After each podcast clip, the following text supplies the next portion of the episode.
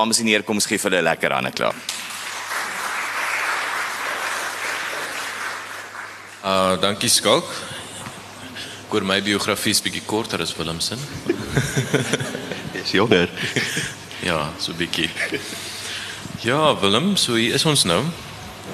En hier is die mense. Hallo mense. So uh ek weet nie, ons miskien begin met 'n aanduiding. Wie het almal Samsa masjien gesien? Ag, ja, dis 'n mooi groep, ja. Dis gaaf. Ehm um, ek wil bietjie begin deur te praat oor jou probleem met titels.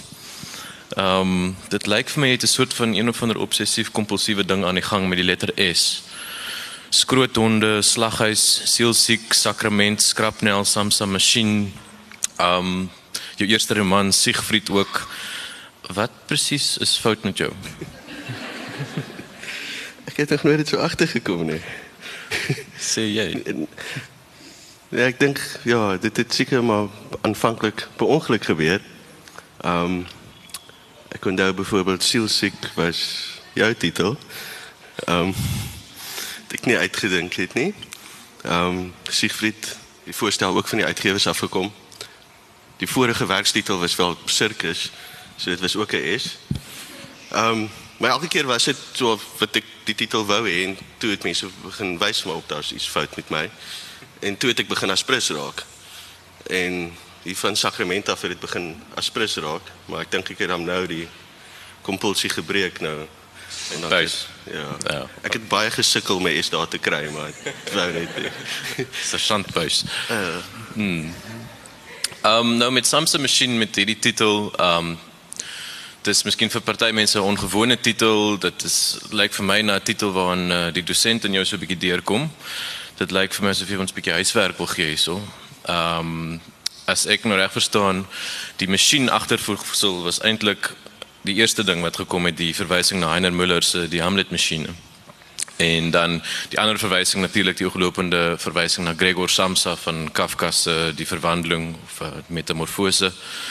Ehm um, ek wil eers praat oor die masjien agtervoegsel. Ehm um, wat beteken dit vir jou om dit as deel van die titel te hê? dink ek jy het 'n bietjie gesteel by Hamlet Machine. Dit is nog altyd een van my gunsteling toneelstukke. So laat 70s geskryf um in reaksie op die 68 um onderste en revolusie in Frankryk en reg oor Europa. Um baie polities veral oor Oos-Europese politiek. Maar dan ook 'n klomp intertekste. Dis 'n verwerking van Hamlet, maar Hamlet was maar net so 'n wegspringplek amper. Dan is daar aanhalings uit die Manson family uit Ulrike Meinhof van die Bader Meinhof terroriste groep, um T.S. Eliot minder van 'n terroris. Um so ek het gehou van daai idee om so te begin met iets en dan die masjienagtigheid miskien 'n klomp goed wat daarbey ingeprop word en te kyk wat gebeur. Miller self het ook gesê dit is miskien iets soos 'n betekenismasjien om dit hy maak sy goed aspres onmoontlik om op te voer en dan is dit die regisseurs en die akteurs se probleem en hulle skep hulle eie betekenis daaruit. En aanvanklik was die idee met Samsa masjien ek het Jacob Bouwer het lank gepraat hy was altyd Amsterdam gestudeer. En as hy in Suid-Afrika was het vir so 2, 3 jaar mekaar boeke geleen en idees gehad. Hy wou ding maak oor insekte en met klank en beweging. En hy het vir my gevra om 'n teks te maak en ons het gedink iets so Hamlet masjien so kort ietsie miskien selfs nog korter. Ons het later gepraat van iets wat miskien 'n halfbladsy gaan wees wat op verskillende maniere kan herhaal. Maar dit is nou te veel boeke vir mekaar geleen en die idee het weier en weier geraak tot die teks so lank sou moes wees dat 'n mens 'n storie nodig het anders verloor 'n mens heeltemal die gehoor. En toe het die idee gekom om as 'n mens nou maar met goggas wil werk dan is die storie van Gregor Samsa miskien 'n goeie ding om dit te grond en van daar af weg te spring dit is 'n storie wat mense meestal ken. En die titel het maar gekom van daai ding van 'n klomp goeters daarin prop en kyk wat gebeur met die teks. Um maar ook dan spesifiek wat die storie wat dit geword het is die masjien wat Gregor Samsa bou, die geraasmasjien. Dit is die Samsa se masjien, maar ook die Samsa familie as 'n masjien, iets wat so of amper 'n perpetual motion machine families en gesinne wat dieselfde dinge selfde strukture geslag na geslag herhaal en herhaal. Die Gregor hierso is ook dan pa en seun is Gregor en op 'n manier herhaal. Dis maar daar waar die masjien eintlik begin het. OK. Ja, goed. Ehm um, ek dink ehm um, net 'n vinnige opsomming miskien vir ehm um, mense wat die Kafka verhaal nie ken nie. Dit gaan oor Gregor Samsa is die um, seun in 'n familie en hy word een oggend wakker en hy is 'n kokorot. Ehm um, en dan volg dit sy verhaal totdat hy op die ouend sterf. Um, sy suster Grete is redelik simpatiek teenoor hom. Sy ouers minder um, En ja, dit is 'n heel heel bekende teks, maar jy wyk in Samse masjien nogals af daarvan. Um, daar's twee Gregors, daar's die vader Gregor en dan die jong Gregor Kie, maar in in jou toneelstuk is dit die vader Gregor wat die kokerot word. Ehm um, kan jy vir ons 'n bietjie vertel oor die besluit om om dit om te ruil dat dit nie die jonger Gregor is wat die kokerot word nie? Ons begin praat daaroor toe was aanvanklik was die idee om die broer en die suster, die kinders of 'n insekagtigheid te maak. En Jacques se idee was van die begin af om te kyk daai grens van wat is 'n mens. Maar dan as 'n mens begin beweeg soos 'n insek. Um waar waar begin en eindig die lyf? En uit daai idees wat hy gehad het rondom beweging vir haar op die einde dan relatief min oorgebly het in die toneelstuk het dit dan gekom dit moet 'n paar wees wat dan kan op saam maniere insek word. Maar ek het toe net voor dit 'n hele paar goed gedoen met jong mense wat op sekere maniere probeer uitbreek en heel selfdestruktief skrapnel en ja. ja, en ons het baie gou begin praat dat ook in die Kafka verhaal is die idee van insek word redelik negatief en gaan oor vervreemding. En ons wou graag hê dit moet iets positief wees. Um om iets anders te word, om 'n wording te ondergaan om meer en minder as 'n mens te raak en baie gou ook iets van insek word is ook kind word is om los te breek uit hierdie strukture van wat dit is om 'n mens te wees om meer te begin speel op 'n manier. So dit was op daai manier wat die spel met die insekte begin het en toe het ons begin dink maar dit kan baie interessanter wees as dit gaan oor oud word. Dat wat gebeur met 'n mens aan die einde van jou lewe as jy weer wil begin speel en weer in jou lyf wil kom. En natuurlik deel van oud word is juis om die lyf wat afgetakel word met die, met daai gedagtes en dat dit in die geval iets meer 'n positiewe wording is. Dit is nie soos by Kafka iets wat gaan oor vervreemding nie, dat dit iets ekstaties is en mooi is um, wat gebeur en toe ek afgekom op hierdie artikel wat gaan oor dimensie dat baie mense met dimensie voel asof daar insekte kruip op hulle vel, die prikkeling op die vel. En dit het vir my idee gegee van waar die storie begin het min of meer. Okay.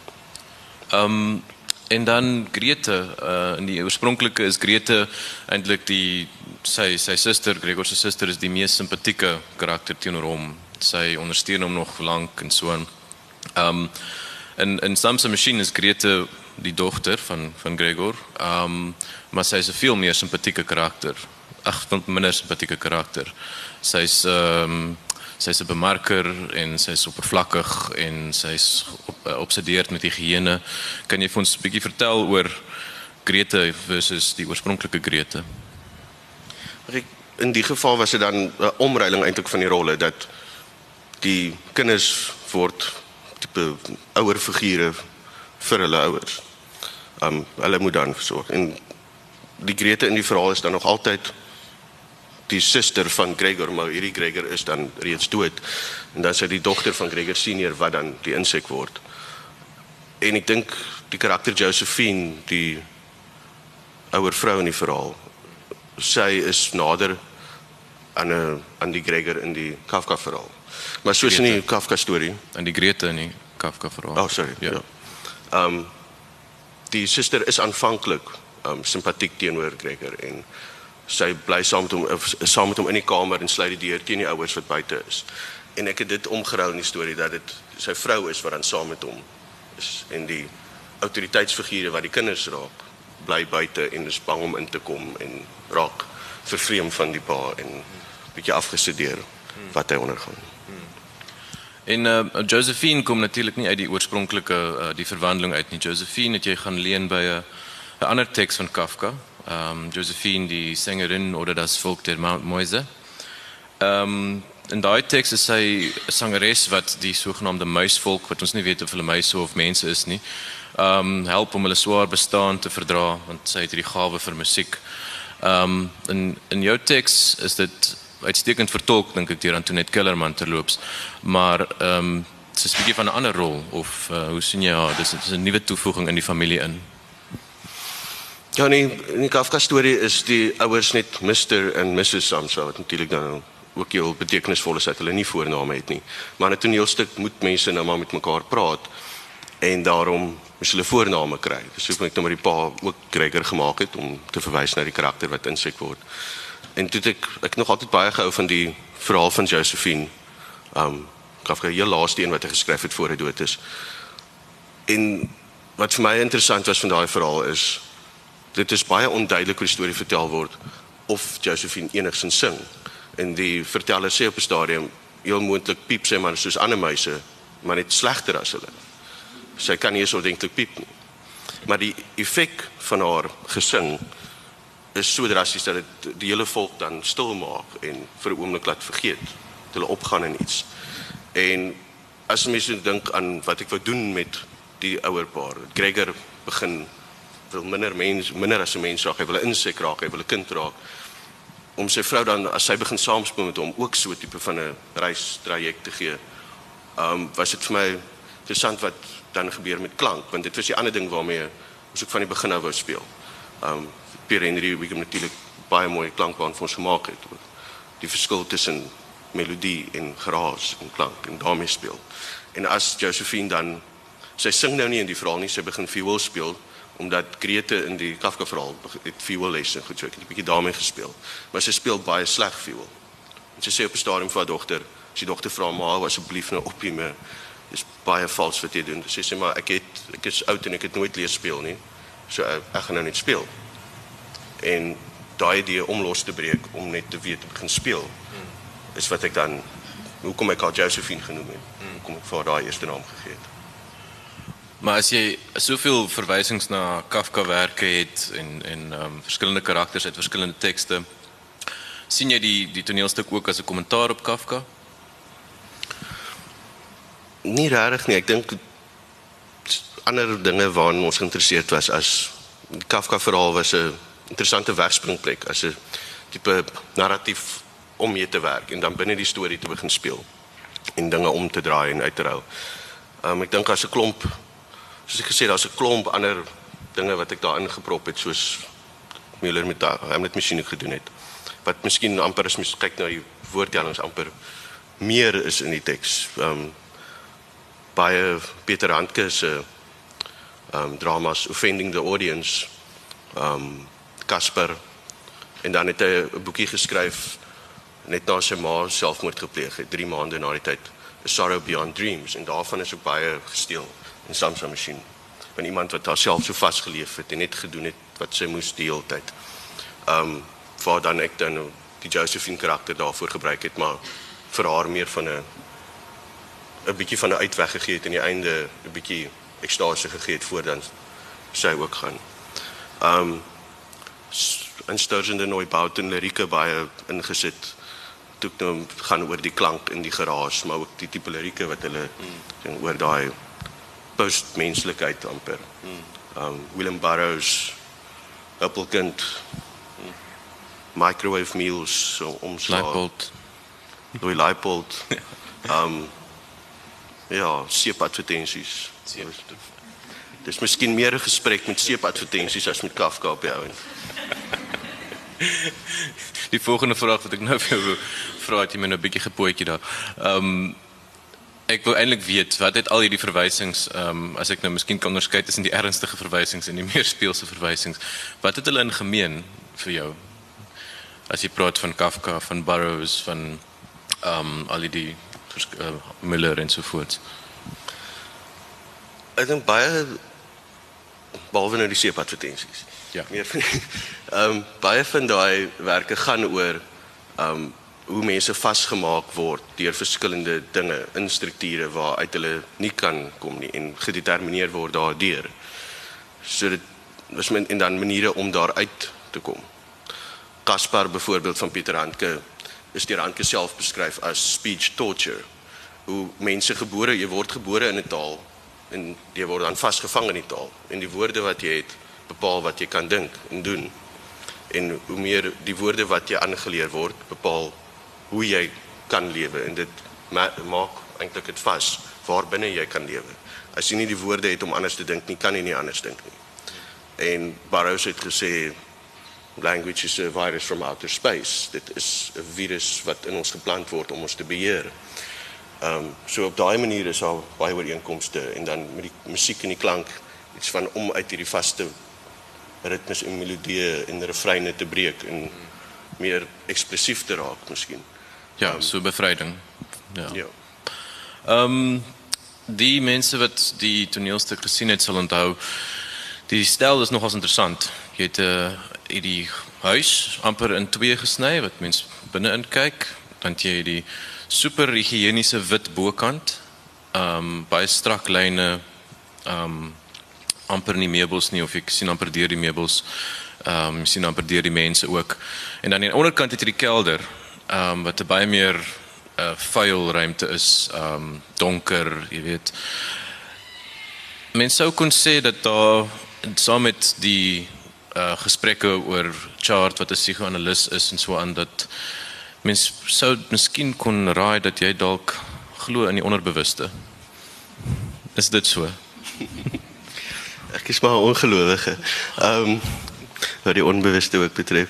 Ehm um, dit het vir my meer gegaan oor om juist miskien uit te breek uit hierdie wat hulle noem audipale strukture dat in hierdie storie is die slegte ouens die psigiaters en die sielkundiges en die bemarkers. Het ook afgekom op 'n interessante man met die naam van net is 'n voornaam vergeet something Bernays. Um hy is Edward Bernays neef van Freud gewees van Sigmund Freud. En hy het in propaganda gewerk en toe die oorlog verby is was hy sonder werk. En toe het hy die term wat ons nou ken as PR of public relations uitgedink. Is 'n beter term as propaganda, maar dit is waar die advertensiewese begin het. En hy dan maar vir oom Freud gebel in die aande en by hom idees gekry hoe om mense hoe om mense te beheer. Of uitgeglo ook mense is nie slim genoeg om vir hulle self te kies nie en hy het ook baie in politiek gewerk. Het. As jy sekere advertensies maak en jy mense lei na wat is die regte keuse vir wie om te stem. En dan ook sigarette. Eerst ek dink Camel advertensies was deur hom gemaak en so en so daar in die geval was dit dit was die slegte ouens en die goeie ouens in die storie is die mense wat geraas maak en speel en uit wil breek uit hierdie dinge wat die psigoanalise en die bemarkers wil doen wat party mense sê dit is daai strukture van pappa mamma ek so amper 'n teater wat 'n mens nie kan uitbreek uit nie en die rolle word die hele tyd herhaal miskien is die onbewuste meer van 'n fabriek miskien is dit iets wat goed produseer en meer produktief is as vir dieselfde speletjie net oor en oor gespeel word. So hoe eh, hoe wend mens dan nie die fabriek aan van die onderbewuste? Wat doen 'n mens daarmee? Maak geraas. OK, dan ehm um, teenoor hierdie onderkantste kelder wat al meer, ek wil sê organies raak, al meer ehm um, deurmekaar raak en ou Gregor en Josephine trek op 'n stadium kelder toe terwyl die die jong paartjie bo bly en hulle eet baie klinies en higienies saam met hulle ehm um, redelik oppervlakkige vriende ete. Ehm um, die bokant dan het julle elke dag het ek gehoor die produksiespan het dit elke dag weer wit geverf. Is dit waar? Dit is waar. Arme hulle. Ehm um, en nou seker rede miskien om dit moet so wit gewees het en klinies gewees het bo. 'n idee om self skoon te was en skoon te kom en fitter as nuut te word. Mens sien dit alles van huisgodsdienst tot selfhelpboeke. Um ontkenning van die morsigheid van die lewe.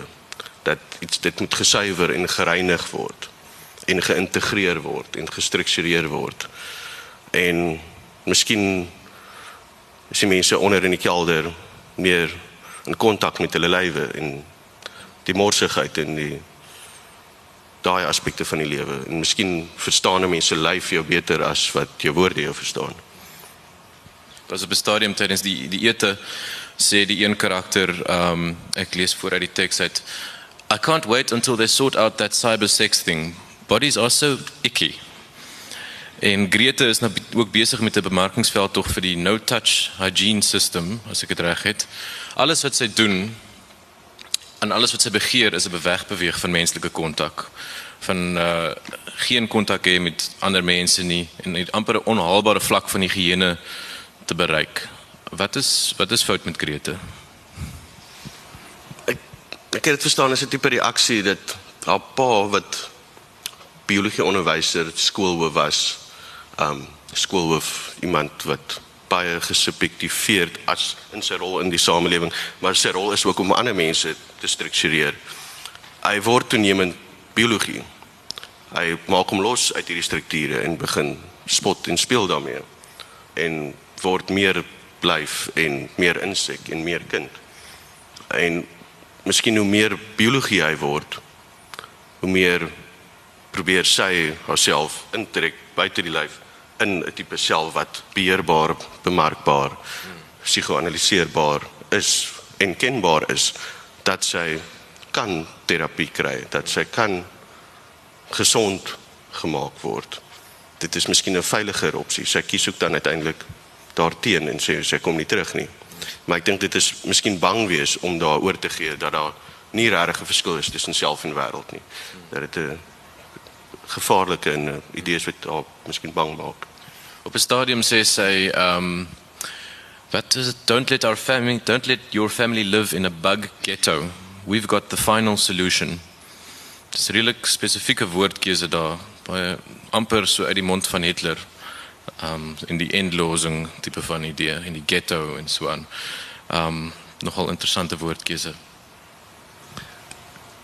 Ja, as jy mens as politici begin woorde gebruik soos ontsmet of reinig dan is mens baie bang raak. Um, maar dit is ook gaan ook miskien dan oor daai mikropolitiek van daar's ook fasisme in 'n mens se kombuis en in jou badkamer. Ehm um, Grete uh, dan in die advertensiewese sy uh, bemark veral ehm um, hierdie no touch hygiene system en op 'n stadium praat hulle oor wanneer hulle ehm um, fotos neem vir kos kos wat jy in 'n tydskrif 'n resep sal lees of so iets al die tegnieke wat hulle gebruik om die kos te laat lekker lyk. Ehm um, hulle verf gliserien op seekos om dit vars te laat lyk sê hulle. Deodorant op druiwe, hairspray vir droë koeke, varnish vir vleis en in die foto van die seentjie wat cornflakes eet, is die melk wit gom. Dis waar terloops. Dit is so hulle kos behandel om om uh, fotos te neem daarvan. So as Grete dan nou dien as 'n verteenwoordiger van hierdie soort vals werklikheid, hierdie ehm um, kunsmatige oppervlak. Dit wil vir my voorkom asof daar geweld nodig is om dit in stand te hou. Sou jy saamstem? Ek dink so dit ek dink om uit hierdie tipe goed uit te breek is min of meer onmoontlik en ek dink die toneelstuk was dit amper 'n tipe fantasie van hoe dit sou werk om dit te probeer of mense wat ten minste dit probeer doen. Ehm um, en dan dit is 'n pynvolle dramatiese ding seker en dit daar ja, dit sal 'n radikale gewelddadige proses moet wees. Want jy gaan alles binne in jouself moet dan losmaak. Um, ek wil ook 'n bietjie praat oor 'n tegniek wat jy gereeld gebruik um, in baie van jou toneelstukke is as 'n klomp karakters min of meer uit karakter uittreë en hulle praat oor mekaar en hulle praat dikwels in 'n reeks klisjées wat um, min of meer verteenwoordigend is van 'n groep mense of 'n sekere soort van bewussyn. Ek weet ons het in um, Skrapnel ook baie daarvan gehad en in Samsung masjiene is daar ook byvoorbeeld ons moet 'n ander ringtone vir die deur download. Daai klokkie klink baie fake. Ons was deur hierdie amazing tour deur die squatter camp. Alles was so vibrant. Uh don't know, maybe last year I lost touch when he refused to join Facebook. Uh I know I'm supposed to like it, but I just don't en dan my my gunsteling die laaste een it was like so kafkaesk. Ehm um, die karakters tree eintlik hier uit karakter uit, jy weet hulle word net tipes. Um, en hulle is nie meer in 'n bepaalde realistiese toneel nie. So die storie word amper vir 'n paar minute opgeskort terwyl daar hierdie vloed van klisjées oor mekaar gegooi word. Kan ek raai dat dit so 'n bietjie geleen is by die absurde ook? Ja, dit het in absurde teater maar gegaan oor om te wys hoe die sin uit die wêreld is en baie keer in hierdie stukke dan kan Beckett praat mense net in klisjées en kommunikasie wat vervalle mense wat verby mekaar praat. Ehm um, daar's nie meer regtig sinvolle kommunikasie nie. En dit was ook 'n redelike praktiese oorweging Samsa masjien want jy kon nie twee ekstra akteurs kry om net vir die toneel van die ete waar die vier mense bymekaar is. Wou dit 'n bietjie meer abstrakt dan ook doen. Laat die twee ehm um, kinders dan ook hulle vriende speel om ook te wys die uitruilbaarheid. Dit maak ook nie saak wie watter reël sê nie. Ehm um, maar toenemend kom hierdie geraas uit die kelder uit. Ehm um, en die masjien wat Gregor en Josephine bou. En miskien was dit iets daarvan dat hierdie graasmasjien kommunikeer meer as hierdie sinlose small talk van hierdie mense in hierdie gemeenplaatse wat mense maar kommunikasie noem. Ja. As ons 'n bietjie kan praat oor taal, as dit oukei okay is. Ehm um, dan veral ook kom jy terug op die idee van taal is 'n virus. Vertel ons 'n bietjie meer daaroor. Ja, ek het altyd baie gehou van William Burroughs se boeke en hy het hierdie idee gehad. Um, taal language is a virus from outer space. En Gloria Anderson het ook 'n lied daarvan gemaak. Um, wat die manier was wat hy probeer vertel het hoe ons gevang is in taal. Het ek gesê dit is amper asof daar aliens is wat 'n virus gemaak het en ingeplant het in ons om ons te beheer en dit is taal en woorde is dan die kleinste deeltjie van hierdie virus. As mens dit nou vergelyk met biologie. Ehm um, hy het byvoorbeeld gesê probeer 'n bietjie daan probeer dan dink om nie in woorde te dink nie. Probeer vir 'n oomblik 'n buitetaal wees en dan is daar altyd ietsie in jou wat stop en jy kan nie uit taal beweeg nie. Dat dit iets is wat jy oorneem.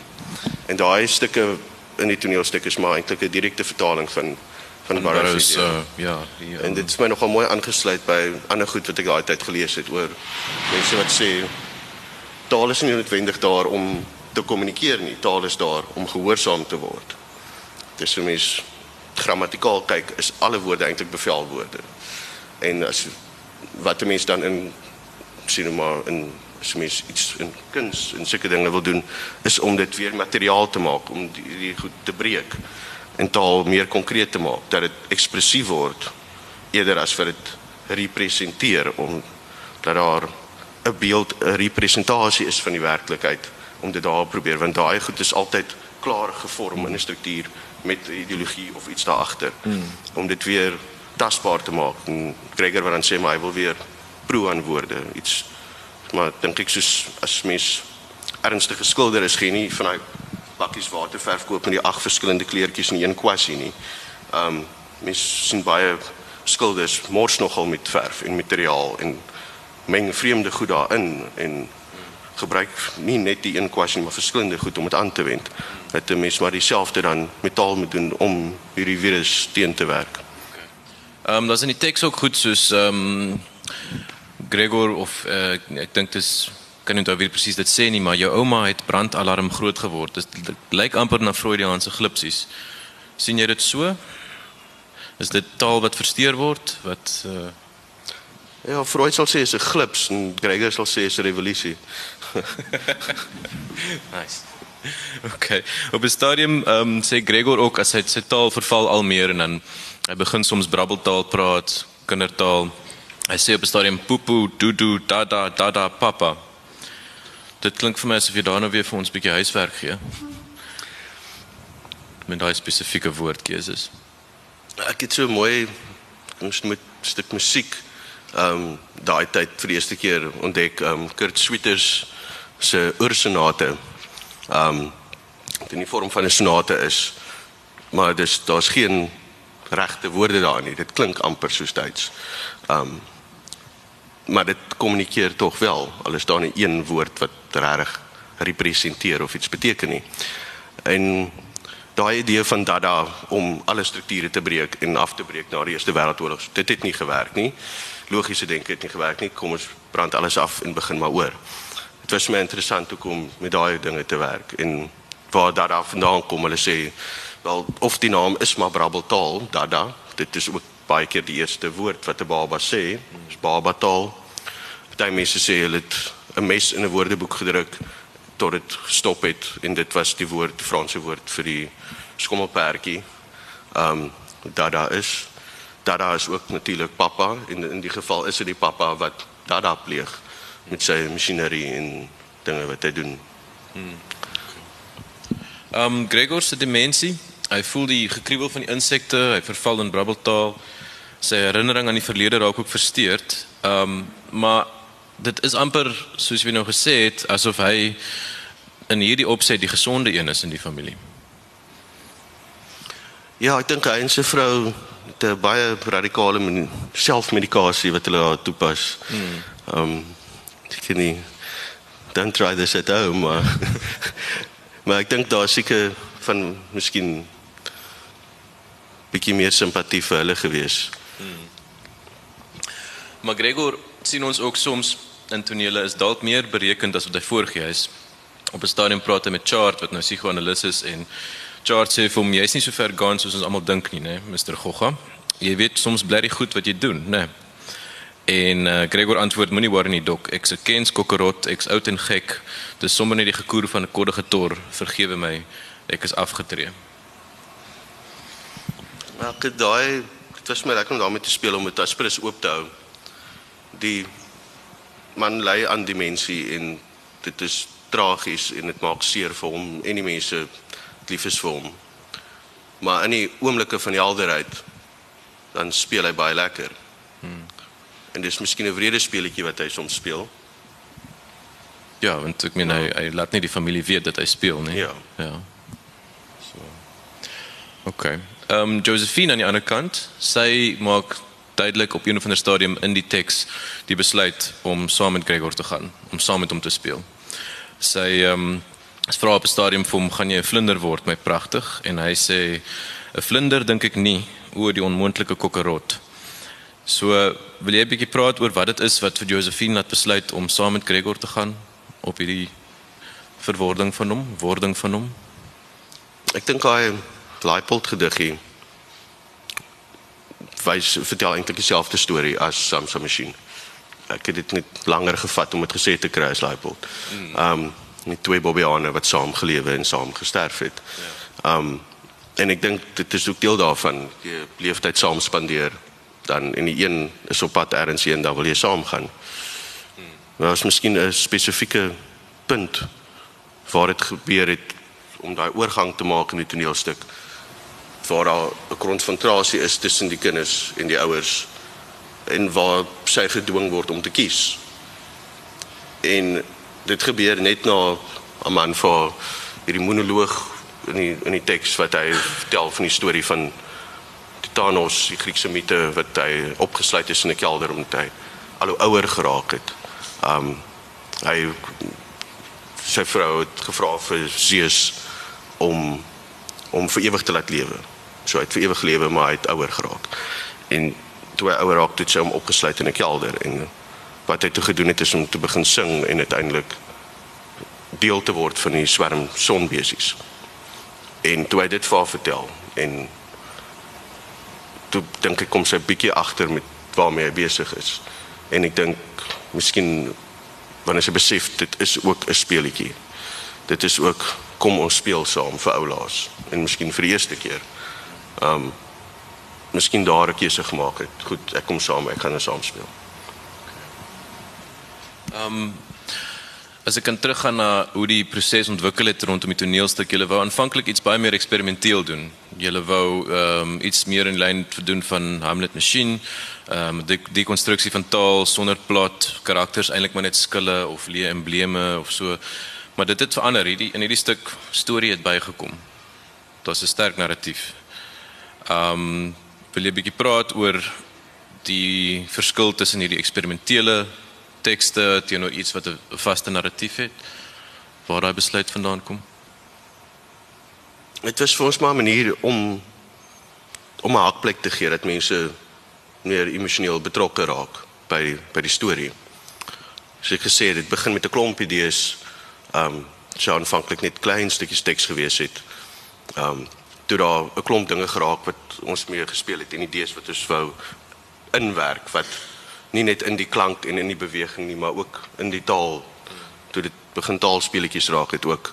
En as mens dan te lank so aanhou, iets soos die ursonate byvoorbeeld, is nie so lank nie. Jy kan nie dit vir 80 bladsye of so iets aanhou nie. So dit om 'n haakplek te kry laat mense nader kom, moet daar 'n storie wees en hopelik hierdie storie toe. Ons het nou baie oor 'n klomp abstrakte en filosofiese goed gepraat, maar dit is ook dan dat mense vergeet van hierdie en dit is dit dan 'n storie raak van regte mense en storie vertel van net twee mense wat saam oud geword het en agtergekom het maar hulle was nooit kinders nie. En nou wil hulle graag dit hê en vir die eerste keer bietjie speel voor dit te laat is. Ja, wat ek ook geniet het van die stuk is die die manier wat dit dan dit koppel wel aan die Suid-Afrikaanse werklikhede, maar op 'n soort van 'n skramse manier, um amper onderbeklemtoonde manier. Ons lees op 'n stadium of ons hoor van um Gregortjie, jong Gregortjie wat op Angola was. Hy het dinge gesien wat hy nooit moes nie en hy moet al 40 wees sê Gregor, maar dan hoor ons hy sal vir altyd 19 bly. Um dis my interessant daai terloopse koppeling amper aan iets soos die Angola oorlog.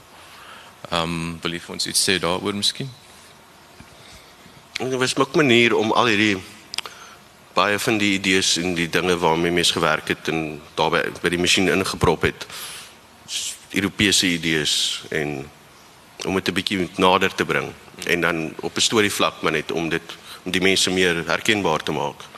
Om te wys dit is al kry die tekste waar ook al wat jy mee speel en die idees is dit is maar almal se lewe en so spesifiek en ek dink op 'n meer konkrete vlak dit is ook maar net iets waaroor mense nie praat nie. Ek dink dit maak vir hulle almal te seer. So hulle praat nie baie. Dit is eers as dit begin oopbreek wat Gregor eers begin regtig kontak maak meer. En Grete byvoorbeeld nie daaroor wil praat. Dit sê wil dit ons met in te maak. Ja. Dis ook ehm um, in in Josephine se karakter is daar ook 'n uh, interessante dis um, wat oor haar gemaak word byvoorbeeld deur Grete. Um, Grete sê op 'n stadium uh, is Josephine so dankbaar want sy kry 'n tuimeldroër vir Kersfees en sy verdien tog nie so iets nie. En dan sê Grete verder aan um, hulle sê die, hele land het gebrand met verwysing na die 80s. Wel my ma het gevacuum. Heeldag aldag. Dit is asof sy al die roet van die state of emergency wou opsuig van haar tapuit af. Altyd so, altyd alles opgesuig, ingesuig binne toe. Toe Oudboet Gregor fakt op geskiet is op die grens, het ma 73 peppermint crisp tarte vir die kerkbazaar gemaak. Samsa is maybe 'n Joodse van Mariere ma se boeremeisie. Dis baie interessant die die Josephine karakter ook daar. Ehm um, is dit wil jy dit eksplisiet koppel aan onderdrukte traumas? Ehm um, hoe koppel dit vir jou met die die res van die tematiek van die van die stuk? Ek het gaan op 'n manier van beide Josephine en haar man Gregor het altyd gedoen wat hulle gedink het verwag word van hulle. Soveel as moontlik. En nie dan oor te gaan in in so 'n situasie maar so nee, die kerk besaar het te nodig. Hmm. Maar dit is ook 'n manier om dan iets anders te doen om nie daarmee. Hmm. En dit is ek dink deel daarvan jy kan nie om uiteindelik dan aan die einde van die lewe dan daarmee te begin speel en kontak daarmee te maak. Ehm um, ek dink miskien 'n ander idee as die as mens nou psigoanalities daarna kyk van repressie en dinge wat moet uit daarso is die best case scenario om weer 'n geïntegreerde self te kry om weer gesond gemaak te word om dan weer aan te gaan om alles te doen wat reg is. En ek dink hulle maak miskien 'n ander keuse daar. Ja. Om meer om uit die masjien uit te breek. Ja. Ja. Ehm um, om weer terug te kom na die idee van metamorfose. Gregor se metamorfose is hier bietjie anders as die verwandelingssin, uh as Kafka se sin. Ehm um, dit is vir my lyk dit meer ekstaties, meer karnavalesk, ehm um, maar ek dink op die ou ende ook meer tragies, nie waar nie? Nou, vir my was dit die, die tragiese gelede aan dat hy vir die eerste keer en miskien te laat begin speel het. Um hy en sy vrou dat hoe dit hoe anders sou dit gewees het as hulle wel kinders kon bly, watter ander tipe pa kon hy wees as hy nie hierdie speelset onderdruk het nie. Um en dat uiteindelik dit te laat is en hy ook te ver gaan en dan letterlik verdwyn in sy garagemasjien. En dan sy vrou wat dan nie meer alleen hoekom kan nie sonder voetsek nie. Hmm. Wil nie dan weer teruggaan in hierdie huis saam met hierdie kinders nie. Ja, daai einde waar sy sê Bochum en Voetsek het saam gesaanik in die aand in die volle maan sluit ek my oë vandag dan waan ek ek kan hulle taal verstaan. Uh dan val sy dood neer na ons gehoor het van Gregor se begrafnis. Um ek het gehoor hoe party gehoorlede dit beskryf as 'n vuishou in die maag. Wat dink jy sou Kafka sê van van so 'n einde? Ek ek dink maar bly Kafka het dit gesien nie. Maar ek dink nie hy sou KAKNK toe gaan nie. Uh maar te veel mense daar vir hom. Um ek dink hy se dink is 'n bietjie sentimenteel miskien. Um maar vir my het dit gegaan oor die ekstatiese ding daarvan en nie die quiet desperation van die Gregor in in die Kafka storie nie. Iemand het jy's dat dit al 'n groot einde kan wees vir hom. Ek wil vir jou nog een vraag vra en dan gaan ek vra of iemand uit die gehoor uit 'n vraag wil vra. Ehm um, ek weet julle het met hierdie toneelstuk sedert 2009 gesit voordat hy uiteindelik uh laas jaar en jaar voor dit opgevoer is.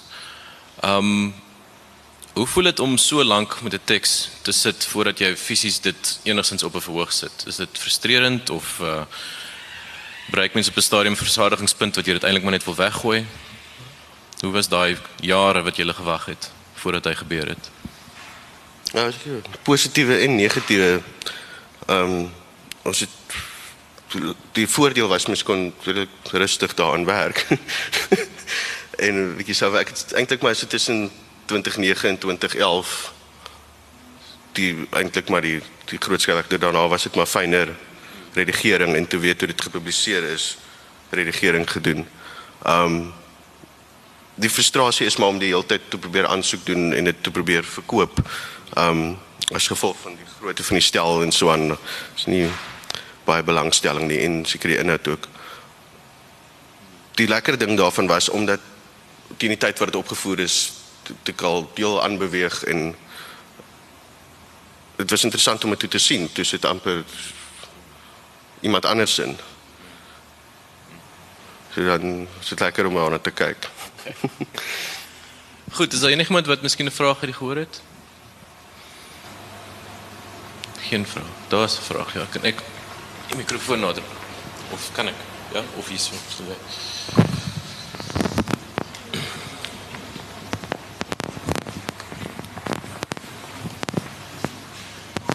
Ek wil net graag weet het jy enige um insette insaag gehad in die keuse van die akteurs of wie het saam wie jy saam met Jacob Bouwer gewerk om te besluit op die akteurs wat die rolle gespeel het.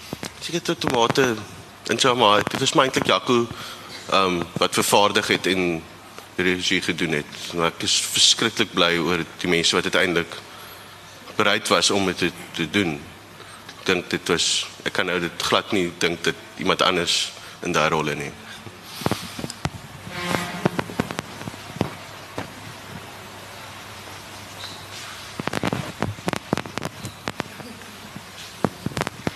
Hallo, goeiemôre.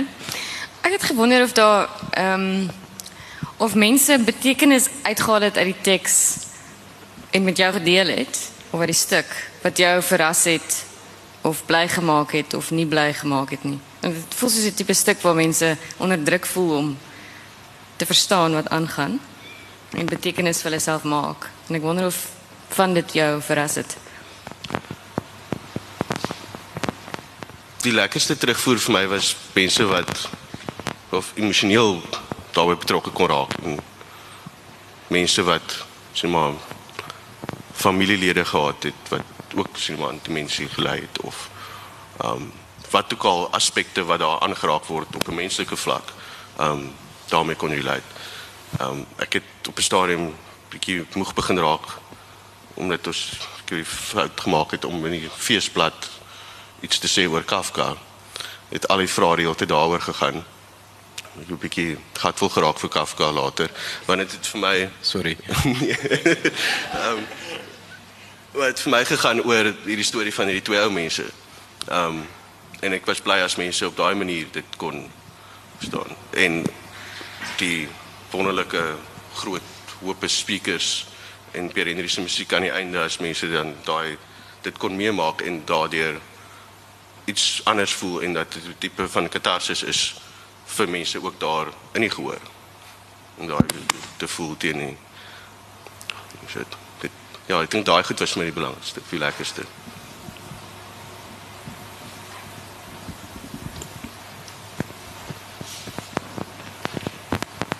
Môre. Ek het net gewonder sommer oor die skets voor op die boek. Ehm um, dis nou soos Tersie sê, jy gee vir mense huiswerk want ek het onmiddellik eintlik met Siegfried ook. Dit was my lekker om te lees en dan heeltyd maak ek die boek toe en kyk eers weer na die boom en na die lig. En in hierdie geval het die heeltyd bygebly omdat ek heeltyd dink aan 'n 'n Rorschach inkplotsel. Ek weet nie of dit die bedoeling was nie. Want wat ek hiervan eintlik hou, hoewel dis nou my eie interpretasie is dat die die die inkblotsel wil so graag uitkom of die wond moet dan nou oopgaan en ehm en dat die professie van die sielkunde dan nou of dan nou die psigoterapie dan nou dit misbruik omdat die inkblot word eintlik gebruik om mense weer te genees en eintlik wil hulle dalk nou net morsig wees. so ek weet nie was dit die bedoeling om dit te laat lyk soos 'n inkplotsel of en dan nou daai beweging. Dit is een van die ehm um, kunstenaar Angela Lidderdale wat dit gemaak het vir die vir die fees se plakkaat. En die feesplakkaat het op sit omtrent 4 of 5 dink ek opsies vir ons gestuur. En die feesplakkaat was skoner huis sonder daai inkplotsel, maar vir die publikasie het ek baie gehou van daai spesifieke skets. Um ek hou van meer abstrakte omslae dat mense een verskillende goed daarin kan sien dat dit ek nie so toemaak nie. Dit vir my ook altyd gelyk soos 'n tipe plant wat daar uitgroei. Maar van die vier opsies was dit vir my die mooiste een vir die vir die omslag omdat dit op verskillende maniere geïnterpreteer kan word. Ja.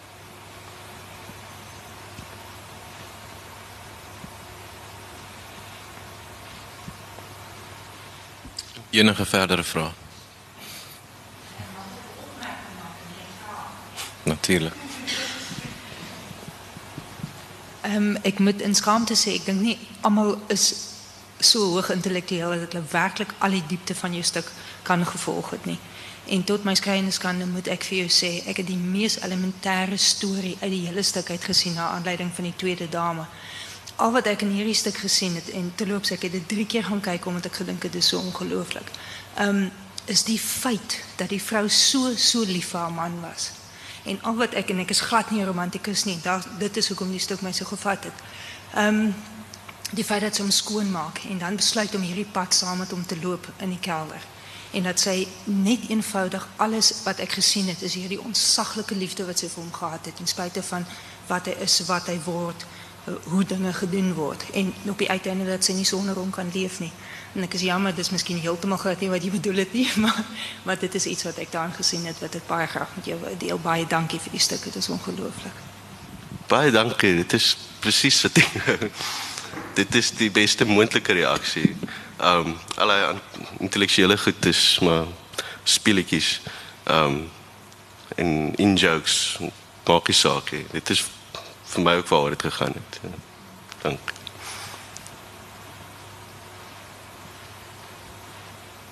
OK. Dis al julle vrae beantwoord. nou goed, baie dankie Willem dat jy met ons gesels het. En baie dankie dat almal hier was. Ehm um, daar is uh, eksemplare van die boek dink ek daar agter as jy belangstel. Dit kom ook saam met die CD van Pierre Henry Wickham se komposisie. Ek beveel dit sterk aan. Ehm um, so kry gerus vir julle. En lekker dag verder. Dankie.